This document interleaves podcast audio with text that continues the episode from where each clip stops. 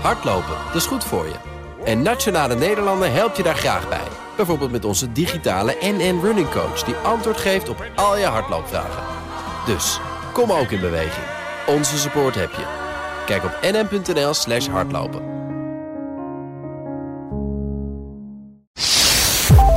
Ik vind het zo vies. Ja, dat is... Ik, dacht, ik dacht wel, het is vies. Maar ik ga dit natuurlijk wel even stellen. Want het is... Man, ik, ik krijg gewoon eh, vervelende gevoelens. Hallo, ik ben Kees Dorrestein. En ik ben Diederik Gommers. Ja, bekend IC-arts en OMT-lid. En in deze podcast beantwoordt hij jouw coronavragen. Stuur je vragen naar me op via WhatsApp 06 8370 9229, via de mail gommers.bnr.nl of via Instagram BNR Nieuwsradio.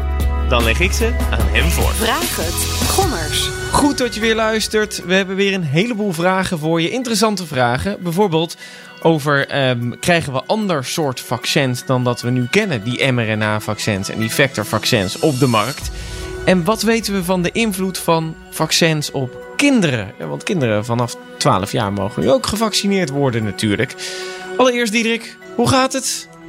Ja, met mij gaat het goed. Maar we hadden een drukke week. Ehm, in absolute aantallen is het niks. 200. Vandaag liggen er dan 207 patiënten met COVID op de intensive care in, In heel Nederland. Nederland, In heel Nederland. Ehm, en dan liggen ze vooral in Amsterdam en, en de Randstad eigenlijk. In Rotterdam. Wij hebben er nu ook de afgelopen dagen veel. En we zijn dus heel erg bezig iedere dag om een IC-bed te zoeken voor de COVID-patiënt. En vandaag hadden we er gewoon, eh, de omliggende ziekenhuizen hadden allemaal een overbed, moesten patiënt kwijt. We hadden geen ruimte in de regio. Landelijk aangeboden. En dan vraag je je collega's en die hadden ook geen plek. En het duurt allemaal heel lang en moeilijk. En uiteindelijk hebben mensen operaties moeten afzeggen voor vanmiddag. En zijn er wat bedden vrijgekomen. Want we hebben gewoon een bed nodig als er vanmiddag of vanavond een trauma of een hersenbloeding of een andere patiënt komt. Dus uiteindelijk hebben we weer eh bedden tekort, maar het gaat maar om 207. Ja, hoe kan dat? klinkt zo gek. Hè? Ja. Dus voor ons is er echt weer, nou ja, ouderwetse stress, zou ik het bijna zeggen. Ehm, maar dat komt omdat we nu afgeschaald zijn en de eh, zorgmedewerkers op vakantie zijn. En we kunnen dus niet opschalen. Want normaal ga je in je opschaling, krijg je verpleegkundigen van de afdeling. En daarmee kan je meer IC-bedden openen. Maar op de afdeling zijn ze ook minimale bezetting. Dus ook een aantal bedden gesloten. De IC heeft bedden gesloten. Mensen zijn op vakantie. Zijn ook mensen ziek met COVID-klachten of die in quarantaine moeten. Ja, dus eigenlijk kunnen wij niet opschalen. En we hebben 15, 20 procent minder bedden open van de normale 950. Dus we draaien maar met moeite 800 bedden. En dan heb je dus 200 COVID en nog gewone patiënten 500. En dan heb je nog maar, en dan die 100 acute bedden die je gewoon nodig hebt omdat een opa operatie komt en omdat er iemand van de eerste hulp. Ja, dat, dat gaat dan heel moeizaam. Dus ja, we hebben gewoon weer beddenstress. Maar ja, dat hoort wel een beetje bij ons vak. Terwijl, eh, ja, wat, we weten natuurlijk dat de IC-opnames, die hebben een beetje een vertraging wat betreft de besmettingen. Maar we zien de besmettingen nu enorm dalen. Maar je ziet de IC-opnames dus nog niet dalen. Nee, wij, maar dat, dat wisten we ook. Hè. Ik bedoel, ik ben heel erg blij dat we de maatregelen genomen hebben. Want we hebben best wel discussie gehad. Als je die besmettingen zo hard ziet stijgen bij jongeren, moeten we dan wel die maatregelen nemen om dat naar beneden te brengen. Want het waren alleen maar jongeren. Nou, je ziet twee weken later die ziekenhuisopnames. Nou, dat topt nu af. Ehm, en nu zien wij, zien wij die IC-opnames. Ja, dat zie je nu net. Ja, dat is nog niet afgetopt. Maar we hopen wel dat dat de komende week gaat gebeuren. Net in de drukste vakantieweek eigenlijk. Ja, Ja. dat is de vakantieperiode nu. En je zei, er zijn mensen die de COVID-klachten hebben en in quarantaine moesten. Zijn dat dan mensen met die dan wel eh, gevaccineerd zijn? Want heel veel mensen hier zijn nu, nu natuurlijk in het ziekenhuis gevaccineerd, maar die dan toch eh, COVID-klachten krijgen. Ja, ja. En, en, en eh, kijk, en eigenlijk hoef je niet in quarantaine. Maar als je natuurlijk hoest, maar ook sommige mensen zijn er gewoon ziek van. En als je heel erg hoest, kom je natuurlijk niet werken. Want je moet natuurlijk wel oppassen voor je patiënten. Ja, je wil als je niet helemaal niet aansteken. gemist kan worden. b- Wij dragen natuurlijk beschermingsmiddelen. Ehm, maar ja, sommige mensen kunnen gewoon niet komen werken. Of hebben andere klachten met andere ziektes. Nee, precies. Oké, nou wat, eh, dat is niet leuk om te horen. Het is dus weer hard te aanpoten deze week. Ja, maar, de- maar dat is dus in een vakantieperiode. En, en eigenlijk wat het vervelendste is, dat mensen die op de wachtlijst staan en hard die operatie nodig hebben, die, die operaties moet je dus uitstellen. Dus we hebben landelijk doen we dat, dat we best wel operaties moeten uitstellen. En dan komt eigenlijk je eerste hulp in gevaar, snap je? Want dan kan je eigenlijk, heb je dan niet altijd een bed in het ziekenhuis of op de intensive care als er een spoedpatiënt komt met een groot trauma, hersenbloeding, acuut hartoperatie of andere dingen die acuut moeten. En daar heb je, daar heb je natuurlijk een bed voor nodig. Ja, dus het ja. is en meten. Dat is, eh, dat is niet leuk inderdaad. Zullen we dan maar een paar vragen erbij gaan dat pakken? dat is makkelijker. Ja, dat is dan weer makkelijker, hè? Ehm, Willemijn, zij zegt de WHO, de Wereldgezondheidsorganisatie, eh, zegt dat we moeten wachten met het derde vaccin en eerst dat derde vaccin eigenlijk aan derde wereldlanden gaan geven, omdat je zo pas echt het probleem de wereld uithelpt. En die zeggen dus eigenlijk, westerse landen moeten niet zomaar nu weer die vaccins gaan hamstringen en inkopen en, en aan de risicogroepen dat die derde prik geven. Eh, want we moeten nu andere landen gaan helpen. Maar ja, nu, nu zijn er heel veel landen om ons heen die al hebben gezegd: ja, we gaan nu gewoon per september beginnen aan die derde prik. Ja, nou kijk, de WHO die heeft daar wel een beetje een punt. En daar hebben ze eigenlijk ook wel gelijk, vind ik. Ehm, omdat namelijk het, het COVID is echt, COVID-19 echt, is echt een wereldprobleem. En, en natuurlijk kan je het in het eigen land goed oplossen. En zorgen dat nou bijna iedereen gevaccineerd is. Maar dat betekent, dan moet je ook als Nederlander niet meer buiten de grenzen komen. Maar ja, we, we, we gaan ook op vakantie of we werken in het buitenland. We hebben contact met mensen uit het buitenland. En dus in landen waar de vaccinatiegraad maar paar, een paar procent is, en dat is nog in heel veel landen, um, dat is maar twee of drie procent. Ja, daar vallen nog veel doden als gevolg van COVID-19. Nou, dat moeten we niet willen als er een vaccin is.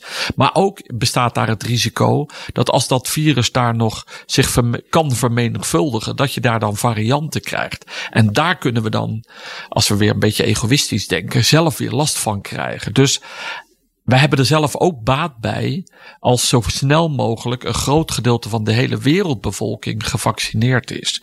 En daarom denk ik wel dat hij gelijk heeft. Het, het punt waarom de landen zoals Frankrijk en andere landen roepen dat ze begonnen zijn of willen beginnen met die derde prik.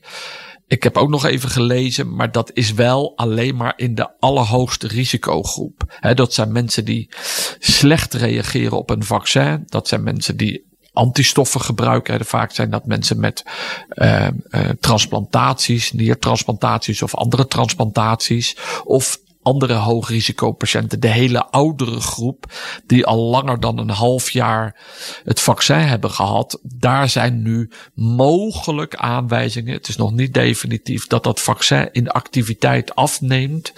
Uh, en dat er dus um, relatief ouderen misschien te weinig antistoffen gaan krijgen, dadelijk voor die Delta variant. En dat je die graag een derde prik wil hebben. Maar Eerst gaan ze het vooral doen in een specifieke groep die medische klachten heeft. Die groep willen ze nu een derde vaccin geven in Frankrijk, Israël en in nog een paar landen. Ja, en er zijn dus uh, mogelijk aanwijzingen dat het vaccin afneemt. Wat, wat ja, zijn die aanwijzingen? Van, in Amerika is er een kleine studie verschenen. Maar dat is een eerste, ik noem het hè, als iets kleins is, noem je het een pilotstudie.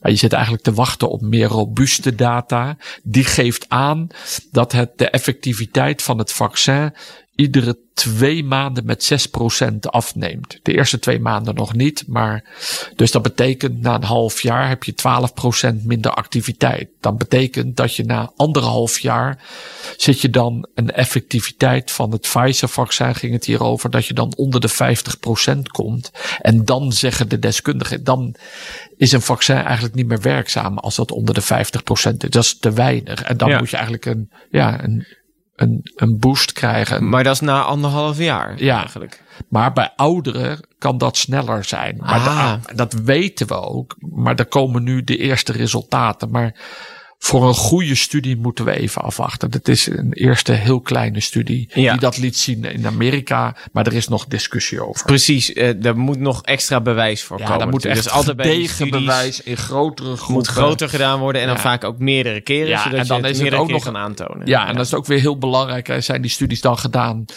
met de Wuhan variant of met de Britse variant? Of, en, en nu is het vooral natuurlijk belangrijk met de Delta variant. Ja, precies. Want het kan zo zo zijn dat het niet afneemt voor de Britse variant, maar wel weer voor de Delta variant. Daar zitten we nu in. Ja, dus dan. Ja. En dit gaat dan weer heel erg over de neutraliserende antistoffen. Dus hè, de concentratie van neutraliserende antistoffen. Die werken direct.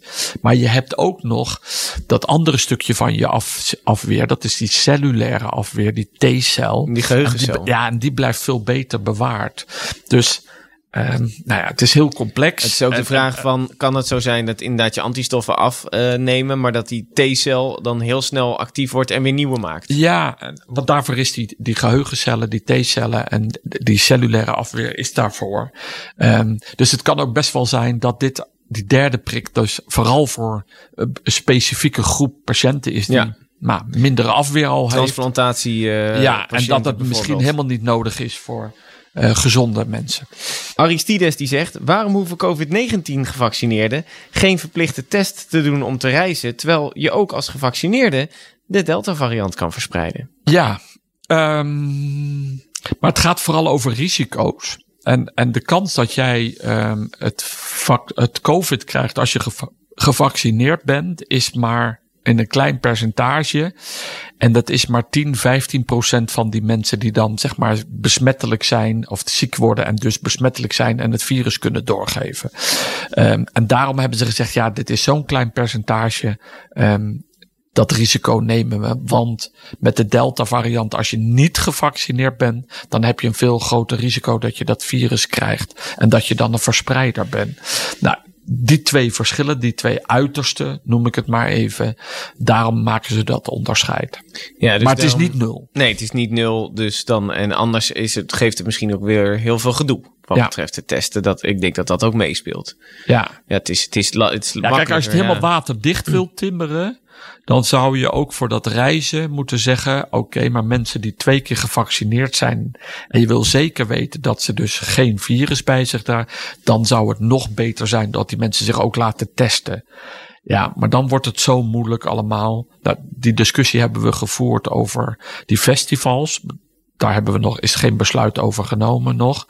Maar voor het reizen is nu gezegd: oké, als je kijkt naar de risico's, dan zijn volledig gevaccineerden is voldoende. Maar degene die de vraag stelt, heeft wel een beetje gelijk. Ja. Nienke die zegt, ik hoor steeds vaker dat de hoeveelheid antistoffen hoog genoeg moet zijn. Maar gaat dat ten koste van andere antistoffen in je bloed? Dus dat eigenlijk de, de antistoffen van COVID andere antistoffen innemen. Nee, er is geen competentie of competitie, competentie, competitie tussen antistoffen. Want je, je hebt heel veel contact met allerlei virussen, bacteriën. En je lichaam zit vol met antistoffen. Dus je hoeft je niet zorgen te maken om dat je nu heel veel nou, antistoffen hebt tegen COVID. Dat je daardoor geen antistoffen hebt tegen hepatitis of tegen andere eh, influenza, eh, snap je? Eh, griep. Dus nee, daar hoeven ze zich geen zorgen om te maken. Dan ehm, Cindy. Eh, zij zegt het RIVM gaat meer gebruik maken van rioolwateronderzoek om te bepalen. Dus, eh, eh, want ze kunnen op basis van het rioolwater kunnen ze zien waar de Delta variant een beetje op de kop aan het steken is. Hier kunnen ze zelfs al aan zien dat mensen nog geen klachten hebben, maar dat iemand dus wel ziek gaat worden. Waarom eh, kunnen er geen zelftests gemaakt worden eh, waar je je ontlasting controleert? Dat is toch veel makkelijker, want dan kan je het zelf doen. Ik vind het zo vies. Ja, dat is. ja, Ik dacht, ik dacht wel, het is vies, maar ik ga dit natuurlijk wel even stellen. Want het is. Man, ik, ik krijg gewoon eh, vervelende gevoelens. Nee, kijk, het is heel mooi dat ze dat, hè, dat, dat ze testen hebben dat je dus in rioolwater, dat je zo nauwkeurig virusdeeltjes kunnen aan.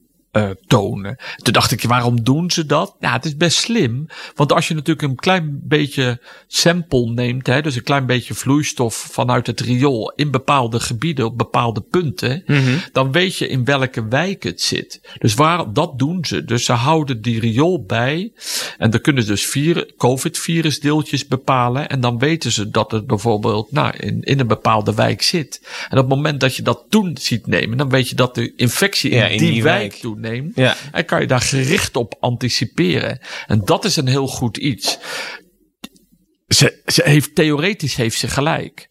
Hè, dus als het in de riool zit, zit het ook in je ontlasting. En tuurlijk kun je dan eh, vier, een test maken voor je ontlasting. Alleen, ehm, een, een beetje een bloeddruppel afnemen en dat in een test dingetje doen hè, met die thuistesten. Ja, dat is vele malen makkelijker dan een beetje in je ontlasting gaan zitten roeren. Ehm, dus ik zou Ja. zeggen, doe nog maar gewoon liever een druppeltje bloed dan, Dan iets eh, anders. Ja, dan een eh. wattenstaafje door je, Ja, joh, de- ontlasting. ja zo, zo maak je het wel heel vies, ja. ja. Dus ik vind het te vies. Nou ja, Maar het kan wel. Het, het, is, het, is, eh, het is dus mogelijk, maar eh, ik denk dat eh, de vraag misschien wat kleiner is dan met een, een bloedtestje. Dat, dat, dat vermoeden had ik ook, wat dat betreft. En Cindy weet dus, dit doen ze dus ook om gewoon een beeld te krijgen van een hele wijk. En op het moment dat het, ik vraag me dan wel af, gaat het, gaat het RIVM dan zo'n wijk waarschuwen van, hey, let op, het gaat daar heel erg in rond? Of is dat meer dan voor de Nee, eigen nee, data? maar bedoel, maar in, in het kader van de GGD is natuurlijk altijd heel erg bezig met bron en contact. Dus waar heb je de bron?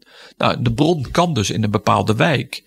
En dus ja, op het moment dat ze dan weten dat het in die wijk meer toeneemt, gaan ze er gericht op af en kunnen ze verder onderzoek doen. En uiteindelijk vind je de echte bron. Dat is altijd wat, wat zij gewend zijn in het bron- en contactonderzoek. En daarom is het wel een mooie manier via die rioolwater omdat je dat, nou, je kan dat van Rotterdam doen, maar je kan het ook voor wijken in Rotterdam doen. Dus Ja. ja, uiteindelijk kan je heel gericht zoeken. Ja, exact. Oké.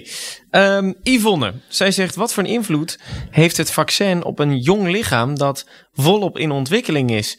Er is nog niet zoveel over bekend, ehm, maar toch wordt het wel aanbevolen om kinderen boven de 12 jaar een vaccin te geven. Ik, ik, ik begrijp niet helemaal waar ze precies naartoe wil. Maar Maar je zij zegt: ja, kinderen zijn in de groei en wat doet zo'n vaccin daar dan voor? Ja, maar kijk, wat, je, wat we natuurlijk al meerdere keren uitgelegd hebben. Je, in het vaccin zit een, een boodschapper en je cellen maken een eiwit. Ehm, en in dit geval dat spike-eiwit, dus de buitenkant van het virus. En daar maak je antistoffen tegen. Ja, is dat erg in een lichaam wat zich ontwikkelt? Nee, want jouw lichaam en als kind kom je met allerlei stoffen in aanraking. Je, je loopt allerlei virussen op. En die virussen komen ook in je lichaam. En tegen die virussen maak je ook weer antistoffen. Dus je lichaam is gewend dat hij in contact komt met vreemde eh, lichaamsstoffen, materialen. En daar maakt, hij, daar maakt hij antistoffen tegen. Dus ja, een vaccin is niet gevaarlijk aan zich dat, dat je antistoffen maakt. Want als baby word je ook ingeënt. Eh, Ja, precies. Krijg je ik- ook allerlei vaccins. En bedoel, daar hebben we het wel eens vaker over gehad. Heel veel baby's en heel veel ouders eh, hè, gelukkig eh, besluiten om hun kinderen te laten vaccineren. Maar ook daar is het risico niet nul. Daar, op, op een hele grote groep. Soms gaat het daar in een klein aantal. Eh, op één hand te tellen gaat het soms mis. En nu dat we zo bezig zijn met dit eh, vaccin, zitten we er zo bovenop. Maar het is logisch eigenlijk dat je, dat, dat je een vaccin, een stofje maakt en daar antistoffen. Ja, je kunt ook een Ja. virus binnenkrijgen. Je kan ook het COVID-virus binnenkrijgen als kind. Ja, Ja, dan maak je ook antistoffen. Dus dat doet uiteindelijk ook niet echt iets met de groei, Nee. volgens mij. Nee. nee. En, we, en we, we, krijgen, we zijn in Nederland heel erg gewend aan verkoudheidsvirussen. Dus ja, we merken niet aan mensen dat ze anders ontwikkelen. Tenminste, zover heb ik het nog nooit gehoord. Dus ik zou Nee. me hier geen zorgen over Nee, maken. kijk, wat Yvonne is eh, een van de vele ouders die zich dan melden. Die zeggen, ja, kijk, ik, ik ben volwassen en ik heb gewoon het vaccin gehad. Maar moet ik mijn kinderen nou echt eh, verplichten om zo'n vaccin te nemen of aanraden? Want die maken zich dan gewoon een beetje zorgen als ouder zijn. Ja, maar het is natuurlijk ook. Ik begrijp ook wel de goede vraag. En het, je voelt als ouder best wel verantwoordelijk. En ben jij dan degene die dat dan moet beslissen? Maar. ehm ja, je kind kan ook COVID krijgen. En dan zeggen we ja, bij kinderen gebeurt er niet zoveel, want ze gaan niet naar het ziekenhuis. Maar sommigen, ja, sommigen krijgen dat wel. Of sommigen krijgen van die long-COVID klachten. Een beetje van die vage klachten van vermoeidheid of concentratieverlies. Dat wil je ook niet. Maar het is gewoon een moeilijke besluit als ouder. Want je moet iets besluiten voor van iemand waar je ongelooflijk veel van houdt. En of dat, dat eh, problemen gaat leveren. Maar lange ehm, klachten op de lange duur zijn er eigenlijk niet te verwachten van als je dit vaccin inspuit. En dat je lichaam antistoffen maakt tegen vreemde eiwitten. Ja, dat zijn ze gewend. Want je kunt, ja, nogmaals, je kunt ook virussen oplopen in onze maatschappij. Want en als je ergens naartoe gaat, want daar zitten overal uh, virussen.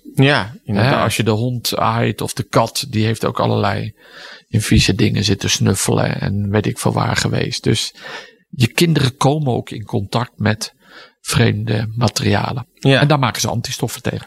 Dus uh, wat dat betreft, uh, Yvonne, uh, maak je geen zorgen. ik hoopte dan altijd, okay, ik heb het vaccin ook gehad. Ik hoop dan altijd dat ik per ongeluk Spider-Man word of zo. Die, die is dan weer gebeten door een radioactieve spin. Ik denk, als ik dan toch een bijwerking, dan hoop ik altijd superheld te worden. Maar dat is een ijdele droom, want ik ben nog steeds een verdrietig mens. Ik heb helemaal geen superkrachten. Dat is, uh, ja, dat is altijd een, uh, een droom al vanaf kinds af aan. Dat klinkt heel gek. Maar uiteindelijk kreeg ik eigenlijk alleen maar bijwerkingen. Oh jee, oh jee. ik was wel eventjes, ik was even goed, een dagje goed ziek van de tweede vaccin. Ja, die had je van de week. Ja, die heb ik van de week gehad. Ja, Afge afgelopen maandag. Ja, ik kreeg echt wel een beetje borstspierpijn, een beetje benauwdheid en zo. Dus even de huisarts gebeld, die zei, ja, gaat vanzelf over. Ja, dan, ga maar weer in bed liggen. Nou ja, en, en, wat had je dan? Uh, korte ademigheid, ja, pijn op de borst? Pijn op de borst, ja. Uh, kortademigheid. Hartkloppingen? Hart, nou ja, ik, ik, ik, ik, ik dacht al, ik, ik dacht, die, ik zat nou, natuurlijk direct te denken, we hadden het al vaak gehad over die zeldzame bijwerking myocarditis.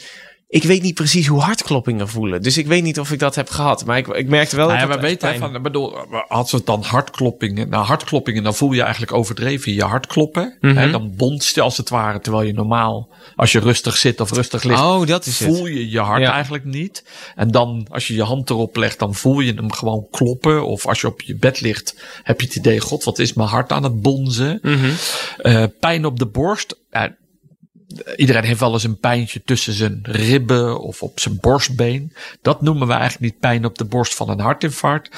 Dan heb je echt het idee dat dat is echt heel pijnlijk. Ja, of er echt, een, echt ze zeggen dan ja. altijd, want ik heb het ook niet gehad, of er een olifant op je borstbeen ja, staat. precies. Alsof iemand even goed Of dat je heel erg strakke riem aantrekt, maar dat het niet stopt. Snap je? Dat het zoveel pijn doet. Want dat is ook, hè, mensen met een pijn op de borst die in het ziekenhuis komt, los van dat je dat hart gaat behandelen, die geef je ook als eerste eerst pijnstilling. Om echt, omdat die mensen worden gek van de pijn. Ja, nou, ik vond het, ik had wel eventjes, ja, weet je, ik dacht ook, ja, dat, dat hoort er dan maar bij. En uh, misschien krijg ik dan ooit nog een keer uh, grotere borstspieren of zo. Ik weet het ook niet. Maar dat, dus ja, ik ben toen maar in bed gaan liggen op mijn buik en uh, op mijn borst. En toen, ja, de paracetamol en, en slapen. Dat was het eigenlijk een beetje. En toen was het weg. Nou, dat niet. Het, het, uiteindelijk is het een beetje twee dagen langzaam doorgeappt. Maar ik kon de dag daarna gewoon weer werken. Dat is, toen, toen was het gewoon, Ja.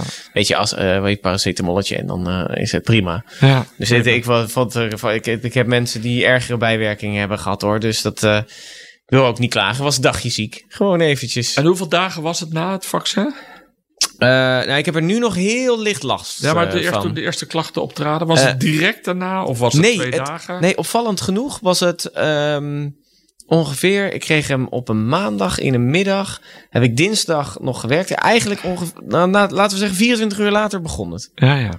Toen, toen werd ik in één keer duizelig. Een beetje van, hé, hey, wat gebeurt er? En eh, eh, naar de huis gegaan. En, en daar werd ik een beetje, een beetje ziekjes van. Dus, dus ja, ja, niet iedereen kan eh, mazzel hebben zoals jij. Dat je er niks Helemaal hebt niks van hebben, Nee. nee. Jeroen, die zegt... Na een jaar van uitstel gaan wij aanstaande 11 september eindelijk trouwen. Maar wat er mag en kan is nu nog best onduidelijk. Ehm, wat kunt u hierover zeggen, meneer Gommers? Wij zouden het eh, enorm mooi vinden om met onze families eh, en vrienden een feest te vieren s'avonds en te dansen op onze bruiloft.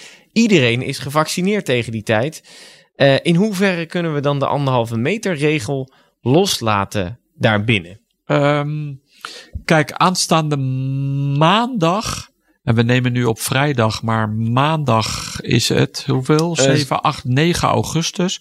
Ja. Komt het OMT bij elkaar om adviezen te geven daarover. Over, Mhm. nou ja, hè, om uiteindelijk, want het kabinet gaat De dertiende. gaan 13e ze, hè? naar buiten van hoe gaan we de najaar verder. Dus ik weet het gewoon niet. Dus ik weet echt niet wat er. Maar we, we hebben daar wel discussies met elkaar over. Ja. Want Wanneer kabinet, komt ja. het moment dat we het kunnen loslaten? Hè, de basisregel. Dus kan een van de belangrijkste regels die we natuurlijk willen afschaffen met elkaar, is die anderhalve meter regel. Want als die eraf kan, eh, ja, dan kun je heel veel dingen weer doen. Dan kan je naar school, dan kan je feest vieren. Dan kan Ja, je maar dat is ook allemaal dan- in september, hè? ja. En, en dus ja, ik weet het echt niet. Dus we willen allemaal heel graag die anderhalve meter. We zijn natuurlijk wel geschrokken wat er eind juni gebeurd is. Want toen hebben we natuurlijk alles, nou Bijna veel, bijna alles. Ja, behalve maar, er waren maar het ging best wel snel verkeerd. Nou, eind augustus zijn er weer veel meer mensen gevaccineerd. Hebben ook wel, dat is natuurlijk weer het positieve van dat er heel veel mensen besmet zijn geraakt. Jonge mensen hebben ook wel weer antistoffen. Dus er zijn heel veel mensen gevaccineerd. Maar er zijn ook heel veel mensen die hebben nu immuniteit, afweer opgebouwd. Doordat ze COVID, de Delta variant hebben gehad.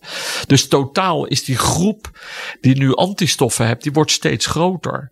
En dat is waarschijnlijk het belangrijkste. Dus dan moet eigenlijk We moeten eigenlijk op één punt kijken. Hoe, hebben genoeg mensen antistoffen? ja, dus of dat 80% is of 83 of 78, ik weet niet. En dat punt schijnt het belangrijkste zijn. En, en, en daar. eh, En dat is eigenlijk het punt dat alles ja, open want dat, hoor je, dat zie je nu een beetje in Engeland. Engeland eh, waren meer mensen gevaccineerd. Eh, daar hebben ze het nu losgelaten. Hebben ze nog wel even last gehad van die wereldkamp of die Europese kampioenschappen met dat voetbal. Eh, en nu blijven mensen wel thuis als het bericht, hè, die piepje krijgen op hun app. Maar dat gaat best aardig. Ehm, dus ja, als dat nou goed blijft gaan, dan kunnen we zeggen, nou ja, dat percentage van gevaccineerden, dat moeten we misschien maar ook gaan Maar doen. hebben die daar dat percentage al gehaald dan? Die liggen iets voor op ons. Mhm. Op hoeveel zitten zij nu dan? Ik weet het niet uit mijn hoofd. eh. Nee. En, eh, Maar, maar en dan gaat het, wat wij weer het voordeel hebben, wat Engelsen niet, wij hebben weer meer mensen die COVID gehad hebben. Ja. Klinkt een beetje gek uit mijn mond dat het een voordeel is, maar ik bedoel niet dat mensen ziek geworden zijn, dat dat, hè, bedoel, Mhm. dat gun ik niemand. Maar omdat het eenmaal gebeurd is, hebben die mensen die ziek geworden zijn, hebben nu afweerstoffen. ja. En als dat recent gebeurd is, ehm, dan, dan heb je daar een voordeel van. En dan ja, is er dus meer immuniteit. Huip die heeft een vraag. Wanneer komt het Novavax-vaccin beschikbaar? En eh, wat voor een vaccin is het? Ja. Nou, dat is een, een ander type dan we tot nu toe gewend zijn. Ehm, het is eigenlijk een. Zo- Met een mooi woord heet het subunit eiwitvaccin. Ehm, nou, dat is al eerder gebruikt tegen influenza in de 1980. Hebben ze daar ooit een influenza-vaccin. Maar hoe het werkt, wat je dan doet, is eigenlijk je laat eh, buiten het lichaam in een fabriek, laat je bijvoorbeeld ehm, die spike-eiwit maken door een insectenvirus die infecteert insectencellen. Die Mhm. maken dat eiwit en dat eiwit dat verzamel je. En dat stop je in een vaccin.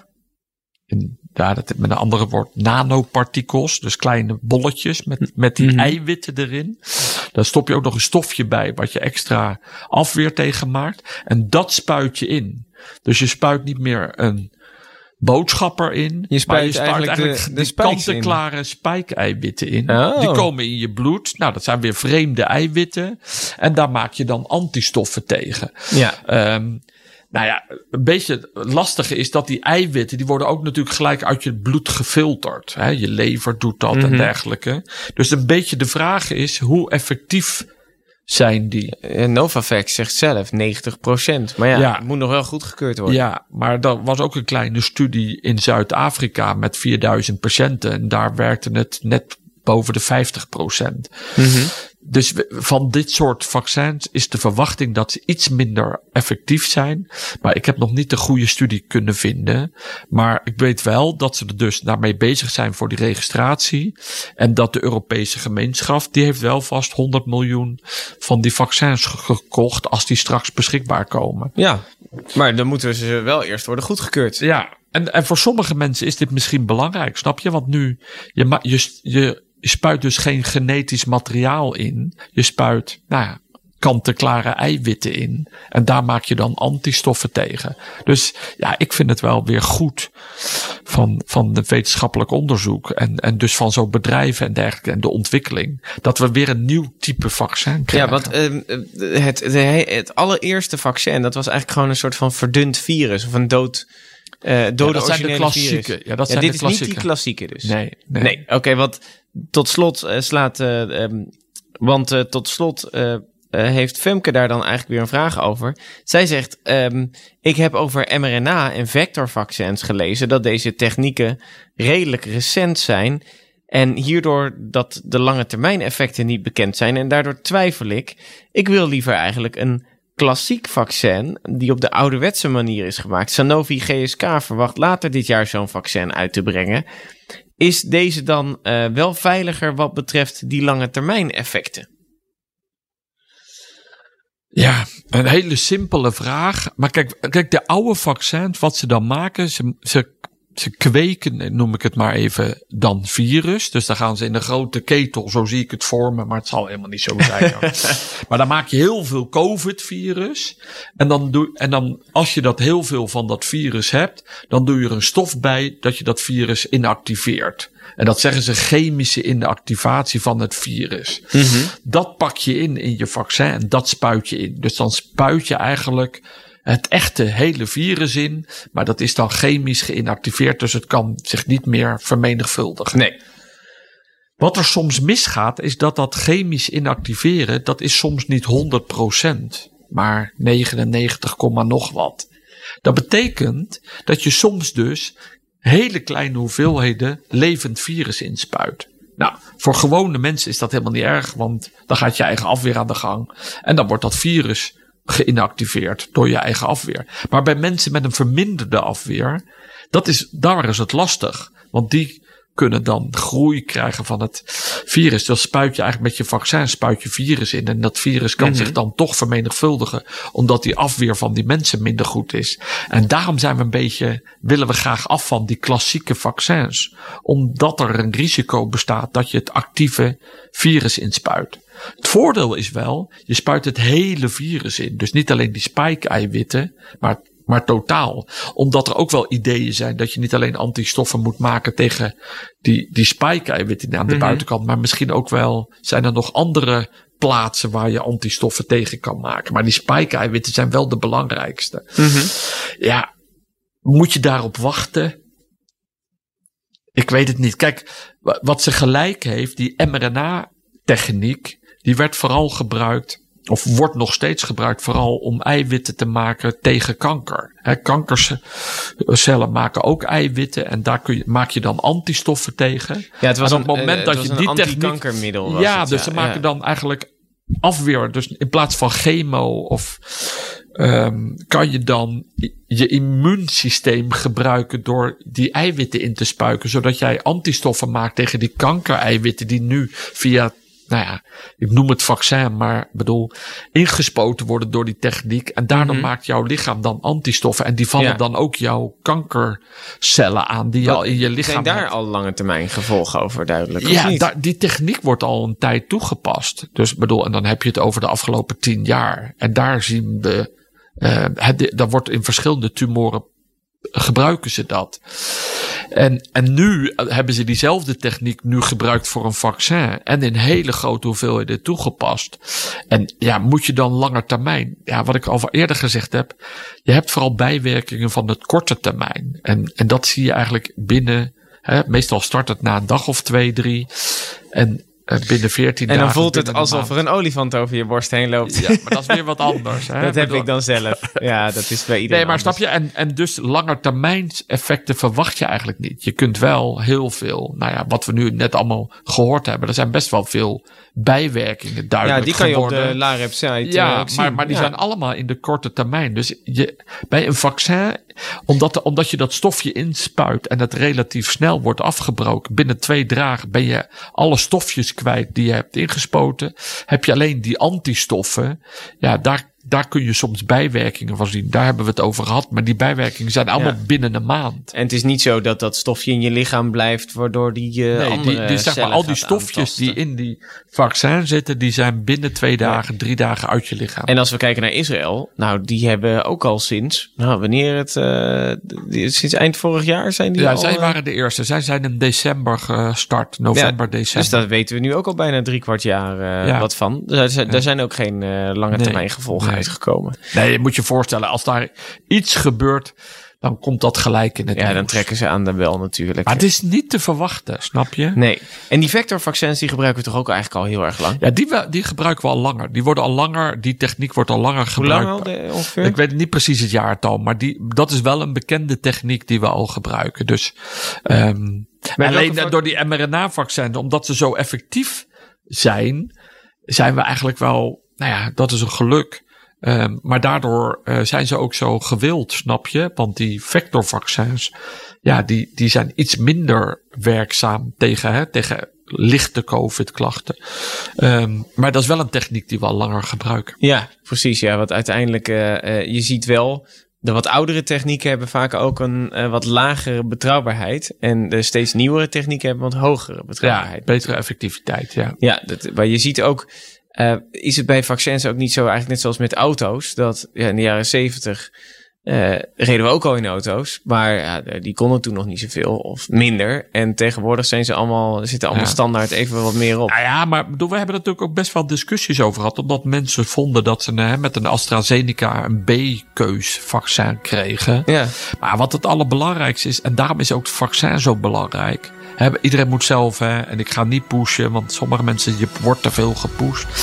Maar waar het om gaat is dat je, mm, ook met het AstraZeneca, heb je 97% bescherming tegen ernstige ziekte. En dat is het allerbelangrijkste, snap je? nou, perfect toch? Ja. Super. Nou, eh, heb je zelf een vraag?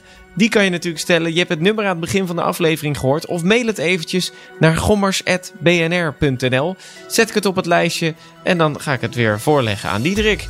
En eh Diederik, nou ja, heel veel succes nog eventjes hier met de drukte dan. En met het, het zoeken van bedden. Ja. Hopelijk is dat snel weer voorbij. En is dan volgende week weer wat minder geworden. Nou, laten we hopen dat volgende week dan de piek gehad hebben.